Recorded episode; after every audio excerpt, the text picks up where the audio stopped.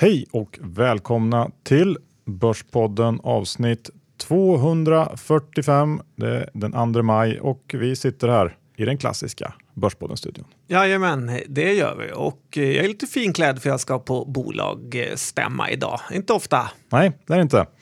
Kul för dig. Vi har en huvudsponsor i IG Markets. Ja, det har vi och eh, ni vet ju hur fantastiskt bra den här IG-appen är. När alla andra marknader har stängt så kan man trada i princip vad som helst eh, på IG. Och eh, sen, jag vet inte om det är jag som har myntat det här uttrycket, men IG är ju mer än en mäklare faktiskt. Eh, det, är ju golfsäsong och det är mycket roliga event som de hittar på på IG man får träffa eh TA-experter och allt möjligt. Ja, de är verkligen duktiga på att ta hand om sina kunder. Så gå in på ig.com och öppna ett konto. Jajamän. Ja. Idag John blir det såklart eh, ännu ett avsnitt fyllt av rapportkommentarer. Det har fortsatt att eh, drösa in rapporter.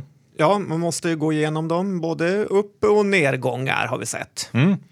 Eh, innan vi kör igång så har vi också ett meddelande från vår härliga sponsor Trine Eh, glöm inte bort det här investeringsskyddet som de precis har lanserat för det innebär att en del av Trines lån kommer att täckas av en garanti på 60% så att du som investerare kan vara säker på att minst 60% av den summa som du investerat är garanterad oavsett hur lånet skulle prestera. Och eh, det här är såklart en stor förbättring det gör det enklare, tryggare och eh, ja, man blir mer sugen på att eh, investera i Trine helt enkelt. Mm, jag har gjort det och jag får ju faktiskt utdelning nu varje månad från mitt lilla projekt. Så in på Trine och kolla om det är något för dig. Ja, Börspodden.se Trine.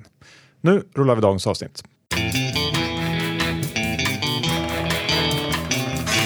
Johan Dr. Bass Isaksson indexar i 1589 och eh, det går ganska bra på börsen nu faktiskt. Det gör ju det. Jag är ju kort lite grann och det börjar ju svida lite. Jag är i och för sig van vid det, men eh, ja, vi har ju kämpat oss upp till eh, den här ökända 200 dagars nivån när man snackar glidande medelvärde som många har som någon slags skiljelinje.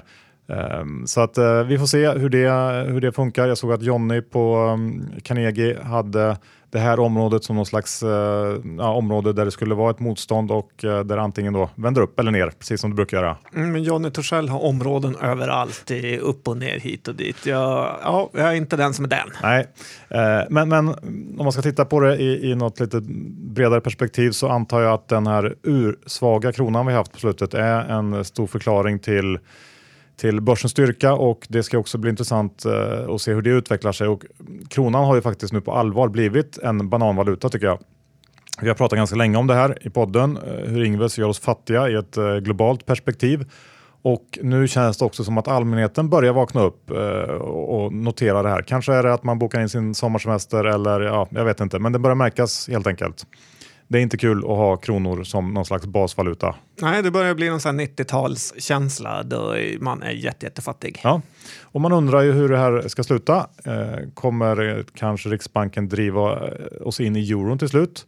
Det är ju ett omöjligt scenario. Eller eh, beror det här på eh, den annalkande lågkonjan som, som är på väg att smyga sig på? Det brukar ju normalt sammanfalla med kronförsvagning. Jag vet inte. Nej, det är ingen som vet, inte ens Ingves. Men eh, experter börjar bli mer och mer irriterade på honom. Så vi, vi får se vad som händer. Ja. John, eh, rapporttider. Um, hur agerar insiders då? Du har kikat lite på det. Ja, men man blir ju lite så irriterad på att eh, insiders agerar på rapportdag ibland och eh, det drabbade ju mig själv här en irritation och man vet ju inte om det är självhat eller om det är liksom rätt att vara irriterad. Men Eh, Eh, jag panikerade ut mina Beijer Electronics under förra rapportperioden på 26-27 kronor och eh, den var ju ner då 15 procent några minuter efter rapporten. Eh, och sen ser man dagen efter att det är till företagsledningen som man har sålt de här aktierna. Och alltså då sitter de, väntar till klockan 13 med att släppa rapporten. Eh, sen sitter ledning och styrelse och tittar på Avanza eller Nordnet eller vart de har sina pengar och bevakar aktiekursen. Och sen när den kraschar, då slår de till. Eh, riktigt nöjda över att de har fyndköpt. Och det här känns ju inte helt rättvist, tycker jag. Å andra sidan så var det ju så att när Firefly fick ett bryt här för, det, jag tror det var något år sedan, eh, och ledningen då gick in och köpte aktier så tyckte jag att det var bra för att det visade att de trodde på bolaget. Så att eh, man är inte bättre än en Real Madrid-spelare som ligger ner när de får en smäll. Men ligger de under så kan de kämpa sig igenom vad som helst. Men eh, så fort de leder så är det bara att hämta in båren. Ja, man kan ju tycka mycket om det, men samtidigt det är ju svårt för att vara insider om man inte ens får köpa på rapportdag. Så att jag, det, jag skulle nog ändå välja att fria eh, i det här fallet, John. Ja, men eh, då gör vi så. Ja, jag tror det. Eh, vi går vidare till eh, P-tal, detta härliga nyckeltal. Ja, men jag börjar mer och mer inse vilket fejk eh, det här är. Och det är ju ändå konstigt hur stort det här har blivit och hur mycket aktieexperter pratar om det här. Men det visar väl nästan lite på hur dålig man är om man bara värderar en aktie efter P-tal.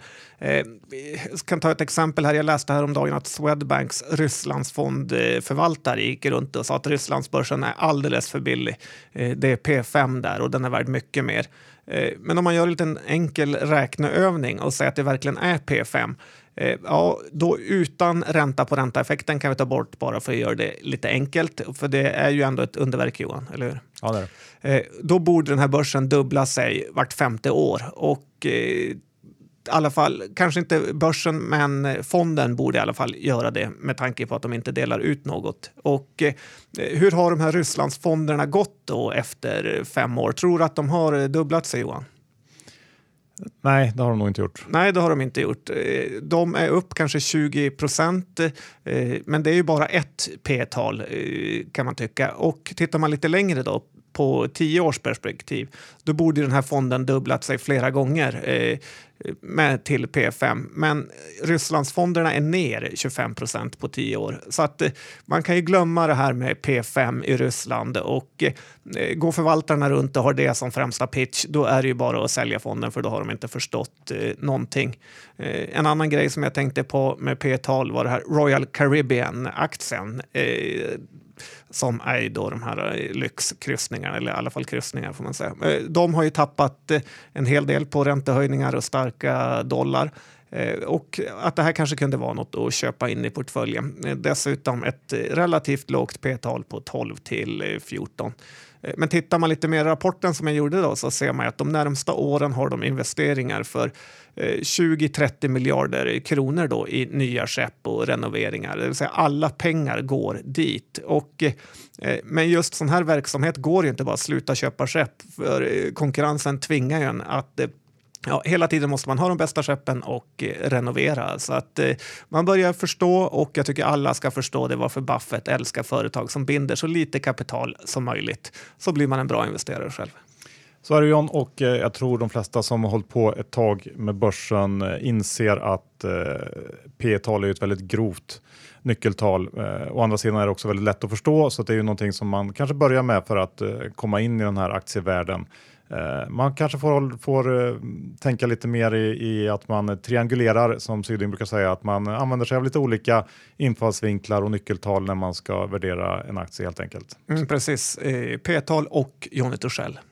Men Johan, när vi ändå är inne på fonder så måste vi väl ändå prata lite om den här Affärsvärlden-fonden. Ja, den eh, pratar vi om ibland. Ja, och eh, jag förstår inte hur det är möjligt att underprestera på den här nivån. Det, Getinge är toppinnehav, det är Eltel, det är Capio, en hel del andra godbitar. Och eh, sen har de 4,5 procent eh, av fonden investerat i Telia. Och eh, eftersom fonden nu bara är på 38 miljoner så innebär det att det är ungefär 1,7 miljoner som finns i Telia. Och det finns ju barn som har sparat barnbidraget som har större innehav än Affärsvärlden-fonden faktiskt.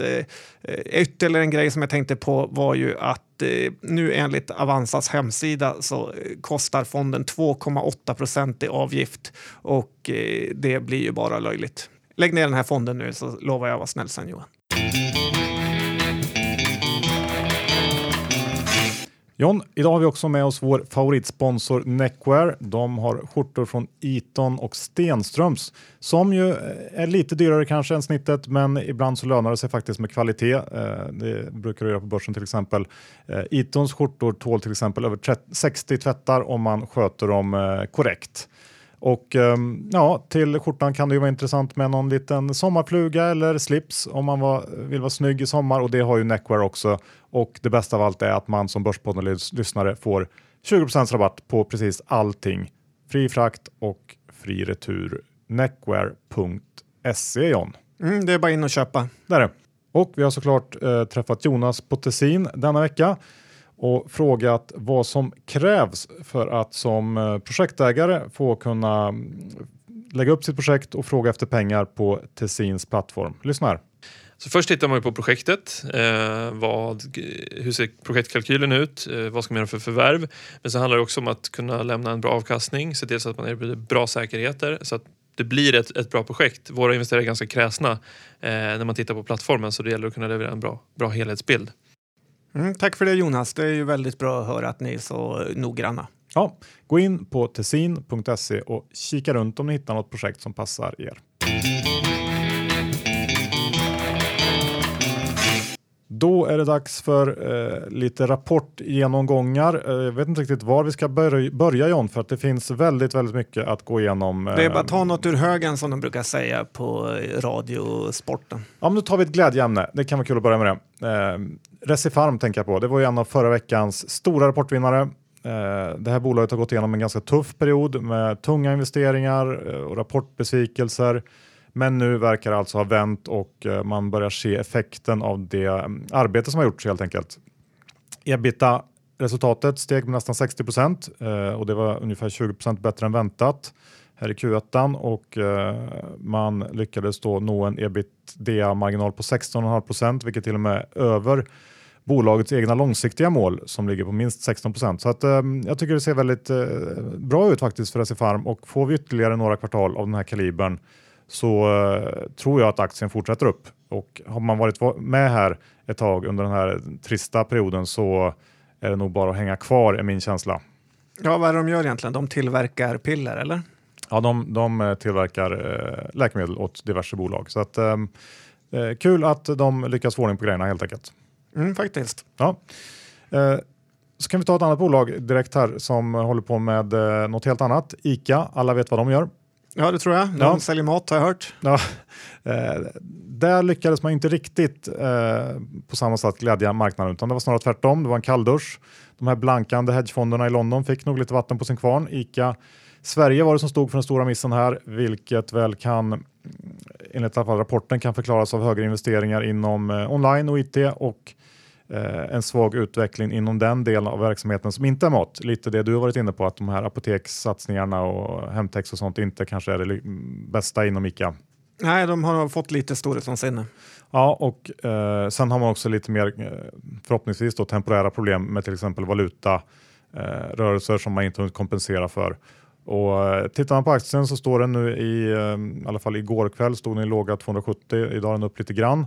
Um, och handlas på innevarande år till ev ebit multipel strax över 13 och ett P tal på drygt 15. Um, ehm, efter det här senaste kursfallet då, så är premien mot eh, europeiska peers nere på ensiffriga tal och även om det här kanske inte är jättebilligt så tycker jag ändå att eh, en stor del av den här missen i Q1 ser ut att vara just eh, av temporär karaktär och mat ska man ju alltid äta och eh, det gör att jag ändå tycker att det börjar se lite mer intressant ut än vad det har gjort på, på väldigt länge ICA.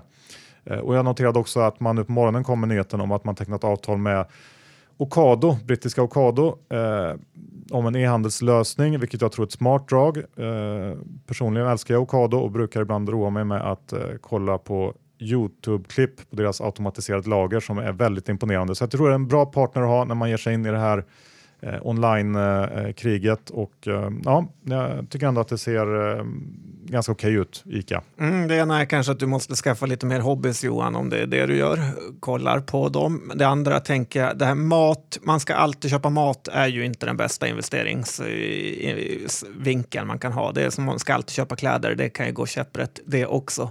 Eh, sen efter tittar man på de amerikanska bolagen, typ Kruger och andra eh, mathandlare så har de ju haft det väldigt, väldigt eh, tufft. Så att jag är inte lika positiv till ICA faktiskt. Nej, så kan det ju vara, men tittar man på svenska marknaden så har ju alla nya aktörer som försökt slå sig in uh, gått bet. Det är väl inte så att Lidl har varit någon jättesuccé eller Netto för den delen. Uh, vi får fråga Capital, det är där han handlar. Ja, vi ska göra det sen efter podden.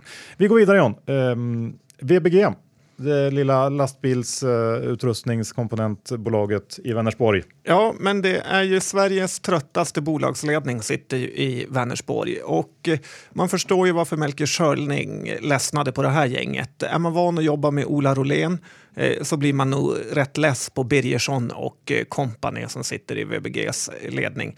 Ingen i ledningen äger ju i princip några aktier av betydelse och eh, man får lägga till att VBG letade i flera år efter att hitta ytterligare ett ben att stå på i sin verksamhet och eh, till slut så hittar de ett och det är det här MCC som de betalar alldeles eh, för mycket för. Och det här bolaget har ju verkligen inte infriat förväntningarna. Den, man får väl ge lite cred till den här Byggmax Agervald eh, som han var vd på Ratos lyckades lura på stackars VBG och köpa MCC här. Så att, eh, eh det var väl hans enda eh, styrka. Bigger Fool-teorin slutar ju aldrig att eh, fungera Johan och jag har döpt om den till Birgersson Fool-teorin. Vad tror du? Ja tycker ändå att du är lite hård mot VBG som eh, jag på något sätt gillar ändå. Eh, ja, men ja. börsen har väl ändå fattat att VBG inte är ett go-getter-företag längre och den, den, är ju rätt billig nu. Eh, men med tanke på hur andra bolag går inom den här sektorn så är jag ändå besviken på dem. Och ja, sen får man komma ihåg att VBG är också ett av de få bolag som har sina bästa resultat i Q1. Mm. Sen kan jag väl kanske köpa att man borde få ut lite mer av, av organisationen när det är sånt högtryck um, än vad man gjort kanske. Men men, så är det. Uh, det har ju varit mycket problem med stigande råvarupriser under den här rapportperioden. Många bolag som vittnat om uh, hur svårt det har varit att kompensera för dem. Och uh, då tycker jag det är kul att en av mina storbolagsfavoriter, Essity, eh, faktiskt eh, lyckades väldigt bra med just den biten. Eh, de har eh, lyckats höja priser och eh, sparat, vilket då har gjort att man då kommit in och klarat de här ganska tunga råvaruprisökningarna. Och de här prishöjningarna man genomfört kommer att gradvis slå igenom under Q2 för att sedan ge fullt resultat i Q3. Och, eh, tittar man på den organiska tillväxten som marknaden var väldigt orolig för när det gällde Essity under hösten så kom den in på ungefär 3% vilket även om det inte låter så jättemycket är eh, betydligt bättre än vad konkurrenterna pre eh, presterar. Så sammantaget så kom Essity med en bra rapport och jag kan väl tycka att den här aktien borde börja äta ikapp den värderingsrabatt på ja, men i, i runda slängar 20% som man har mot peers eh, här framöver. Så att eh, stabil rapport från Essity helt enkelt. Ja, trots Magnus Groth. Ja, eller tack vare. Beror på hur man ser på det. Eh, Don, eh, ska vi gå över till ditt glädjeämne den här dagen, morgonen. Firefly rapporterar på morgonkvisten och det såg väl eh, stabilt ut det också? Ja, det är alltid läskigt när bolag som man äger ska rapportera och det blir ju ytterligare lite läskigt eh, när de är mindre bolag så att likviditeten inte, det går knappt att göra något man får titta på. Eh, och Firefly är ju ett, eh, precis ett sånt innehav. Eh, rapporten var väldigt bra tycker jag och man underskattade nog lite hur mycket kostnader och tid förra årets eh, flytt till nytt eh, huvudkontor tog. Men nu rullar det på och jag har köpt lite mer aktier idag. Eh, men jag tycker man alltid ska ha i bakhuvudet eh, det här vad gäller alla aktier. Att eh, ska bolag göra en större flytt, det kan vara huvudkontor, lager med mera, så kommer det alltid att bli dyrt. Kolla på CDON Sportamore. Där har man en liten edge över marknaden om man tänker så. Mm, och det är väl kanske framförallt i lite mindre bolag där de här kostnaderna syns på ett helt annat sätt. Helt rätt. Mm. Um, om vi ska fortsätta på det här råvarutemat så ett bolag som inte lyckades kompensera alls för det eh, är ju, eller var ju Electrolux.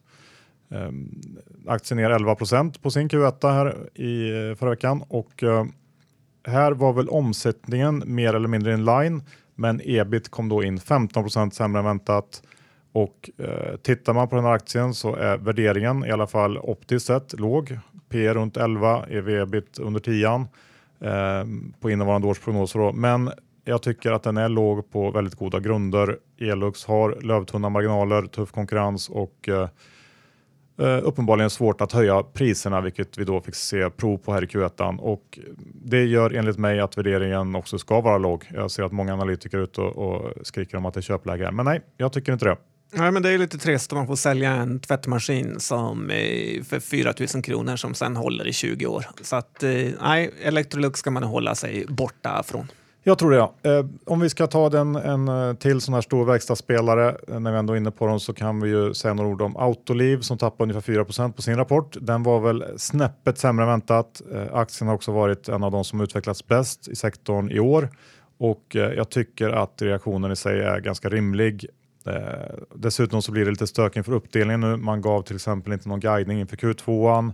Eh, jag såg också att någon analytiker som tyckte att de här 1,2 miljarder dollarna som man skickar med eh, Veoneer, som den här teknikdelen kommer att heta eh, i uppdelningen, var högst, i högsta laget. Men i stort så var väl det här ingen rapport som ändrar på sådär jättemycket. Fokus framöver tror jag alltjämt kommer att ligga på den här avknoppningen och eh, efter det får vi se hur, hur de olika delarna handlas. Ja, jag hörde av någon person som hade insyn att eh, det har tagit fruktansvärt mycket energi från toppen att eh, vara med om den här uppdelningen och försöka fixa till det. Så att eh, ja, man ska akta sig för sådana bolag där det är för mycket sidofokus.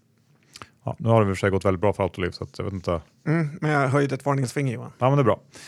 Eh, Semcon ehm, liten teknikkonsult som eh, ja, väl har genomgått någon typ av turnaround och verkligen lyckats med det. Ja, men det här bolaget har vi lite hatkärlek till. Jag hade ju inga aktier innan rapporten här och eh, lite som med fotboll så satt jag verkligen hoppades på en riktigt dålig rapport. Jag tror väl både du och jag köpte lite aktier på den här rapporten som en rapporttrade och sen sålde ut dem. Eh, stämmer ja, det? Ja, stämmer.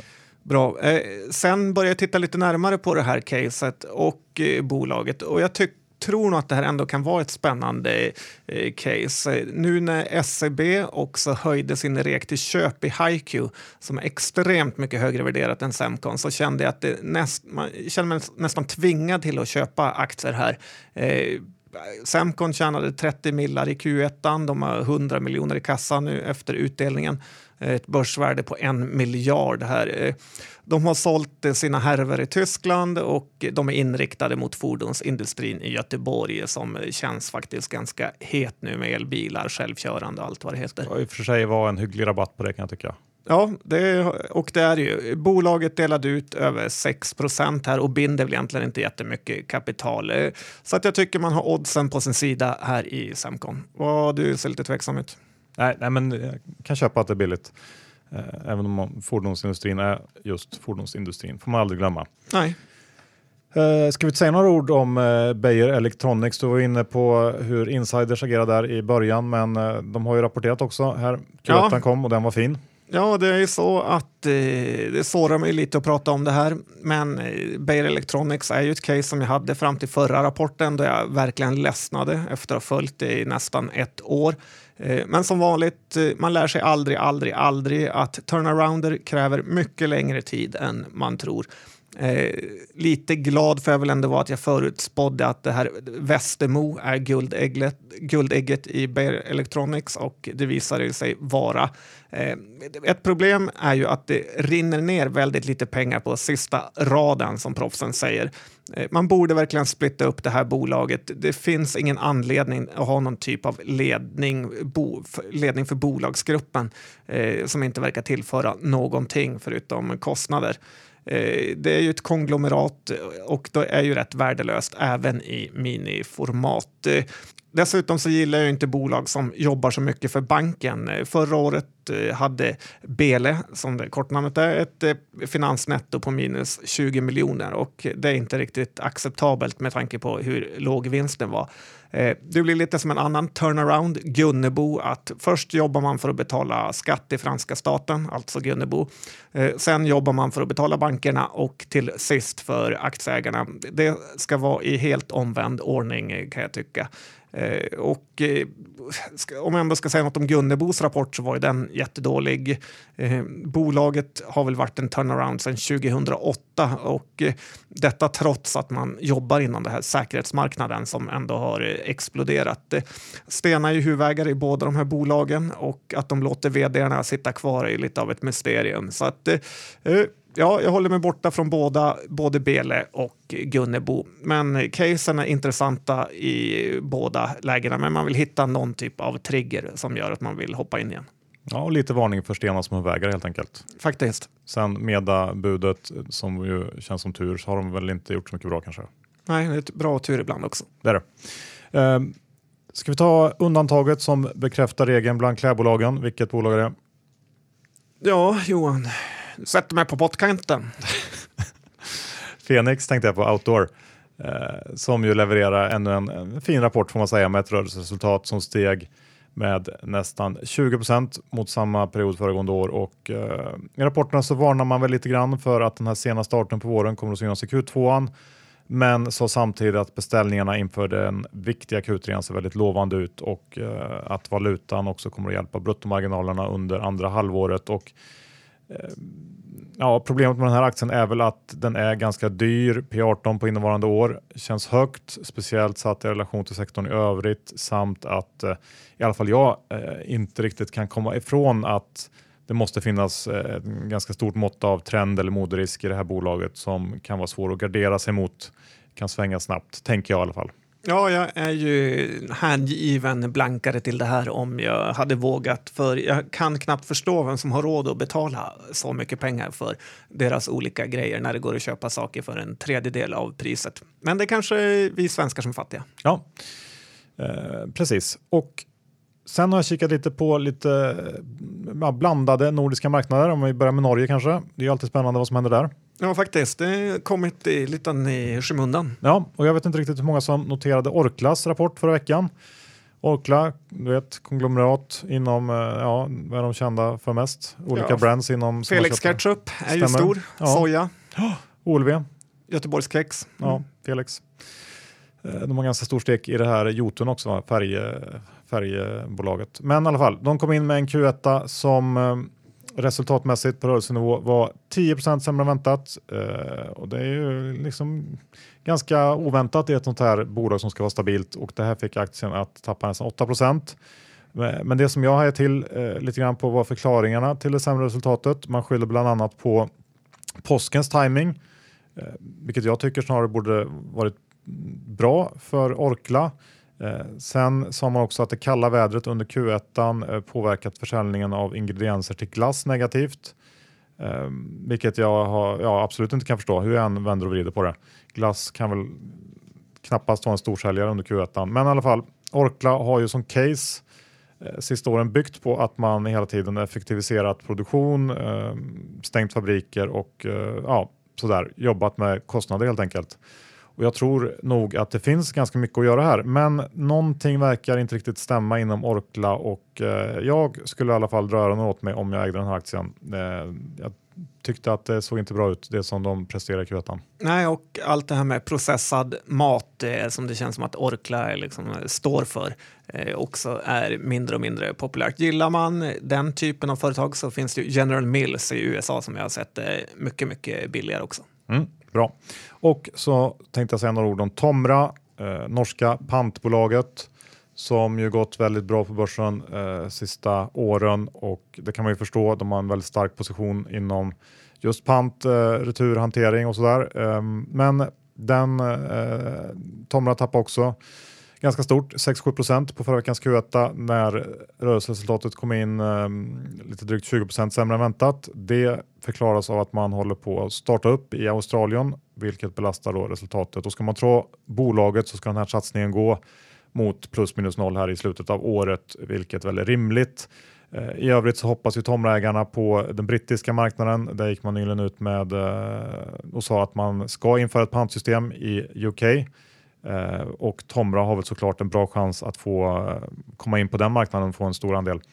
Eh, så totalt sett ehm, så känns det ändå inte som att problemen i den här rapporten är superallvarliga. Ehm, men aktien är ju i alla fall i min bok alldeles för dyr. P31 på innevarande år och det lämnar liksom inte utrymme för vare sig snedsteg eller positiva överraskningar heller kan jag tycka. Så att ehm, ja, det är svårt att vilja köpa den aktien på de här nivåerna ändå. Ja, verkligen. Och här hade man lynchat Tomras maskiner så hade man ju haft eh, starkt eh, sälj på dem. Det räcker med att skicka in en burk lite för fort så eh, havererar hela maskinen. Så att eh, håll er borta från Tomra. ja, eh, behöver inte vara svårare än så att analysera aktier John. Vilket för oss in på byggrelaterat denna vecka. Har du någonting att plocka fram? Ja, men det har kommit rätt mycket byggrapporter här som eh, har ändå varit helt okej okay. och jag tycker ändå man ska akta sig för att eh, köpa de här med särskilt med motivering på billiga P-tal. Eh, eh jag har gjort lite research i marknaden här med mäklare och även folk som säljer sina eh, bostäder och de säljer att det, säger att det är helt eh, Eh, särskilt på den här viktiga mellanprismarknaden. Och eh, här kan man väl tycka att det är lite statens fel som har börjat med de här stenhårda amorteringskraven och liksom förändrat marknaden helt. Eh, jag såg att Pareto höjde ju Oscar Properties till en potentiell dubblare och det skrev att Alimac, eh, de här hissarna, är för billiga. Eh, jag tror snarare att det här kan vara början på en bra blankningsperiod inom byggrelaterat. För allt det här gosiga, minusränta, amorteringsfritt, byggboom, det är gammalt och vi har tuffare tider framför oss. Mm. Varningens finger igen då, helt enkelt, från dig John? Ja, det börjar ha få fingrar kvar nu. Ja. Ja, men jag kan nog eh, i alla fall delvis hålla med dig om det. Känns inte som att det är läge att uh, tro på vändning riktigt än faktiskt. Um, giganternas gigant, ska vi säga någonting om den?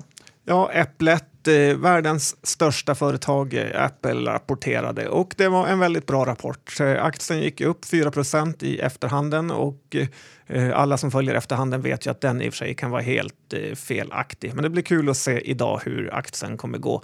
Eh, de ska återköpa aktier för 100 miljarder dollar. Det finns ju inget bolag i Sverige som ens är så stort och dessutom höjde de utdelningen med 16 procent. Eh, det som också fick folk att gilla det här var ju att de sa att eh, Apple sa att eh, de ska vara net cash neutral i framtiden, vilket marknaden då tolkar som att de kommer eh, trycka ut allt de tjänar till aktieägarna, aktieägarna och eh, det gillar man ju. Apple är inte jättedyr längre. Aktien har kommit ner en hel del från sina toppnivåer där kring 180, höga 180. Och ja, den kan faktiskt vara intressant att ge sig in i igen. Å andra sidan kan man ju tolka det här net cash neutral som att det inte finns något utrymme att växa längre, vilket inte är så konstigt givet hur stora de är. Men då kanske också värderingen ska vara hyfsat låg. Ja, du har poänger. Ja. John, vi avslutar ett avsnitt med mitt eh, favoritbolag i Finland. I alla fall namnet är Kottipizza. Nej, Asia Casteto. Mm, det är ett bra namn, det är bara du som kan uttala det i Sverige. Och eh, de som eh, lägger finska namn på minnet kommer ihåg att vi har pratat om eh, den här aktien ett antal gånger. Och den har gått riktigt bra sen vi tog upp den första gången. Då stod den väl i runt 20 euro, eh, nu uppe strax över 30-lappen. Och eh, Det som gör att jag tänkte ta upp den här, eh, den här gången är att förra veckan annonserade de ett förvärv, eller man kanske snarare kan se det som ett sammangående med svenska UC. Och genom det här får man då en extremt stark ställning på den nordiska marknaden inom just kredit och affärsinformation. Och det tycker jag i alla fall känns som att det ligger helt rätt i tiden. Eh, men den här aktien är inte billig den heller såklart och eh, förvärvet såg eh, inte heller särskilt billigt ut. Pricey. Ja, men det är väl som det ska vara helt enkelt när det gäller bra bolag. Så att um, kul om man har köpt den med rapport på fredag för de som är intresserade av att kika på hur det går för Asia Casteto. IG, tack för att ni är vår huvudsponsor. Ja, ni har väl öppnat konto. Ni följer väl Erik Hansén på både Twitter och Instagram för mycket affärsförslag. Dessutom möjlighet till golf. Ja, och vill man investera i eh, Afrika och solenergi, då är ju Trine ett utmärkt val. Gå in på börspodden.se trine. Kolla runt om ni hittar något projekt som passar just er. Mm, det är väldigt bra faktiskt. Ja, och vi har ju 20% på Neckware nu till alla Börspodden-lyssnare. Mm, Det finns allt till sommarens eh, avslutningar, firmafester, bröllop och så vidare. Så gå in på neckware.se, fyll i koden Börspodden. Då har du 20% rakt ner i fickan. Mm, det är bra också. Ja. Och sist men absolut inte minst, tessin.se. on. Ja, Tessin är ju ett väldigt bra komplement om man vill eh, starta en egen fastighetsportfölj och man vill ju ha eh, pengar från så många olika källor som möjligt. Eh, Så då gör ju Tessin ett utmärkt jobb. Så är det, tessin.se. John, eh, innehavsredovisningen denna vecka, hur ser det ut för dig? Ja, jag har ju Firefly, jag har Semcon. Tyvärr hade jag inga Bele, men jag är väl halvglad ändå. Ja, och jag har inget förutom jätte, jättelågt värderade svenska kronor. Ja, gratulerar till det. Tack för att ni lyssnade så hörs vi om en vecka igen. Hej då!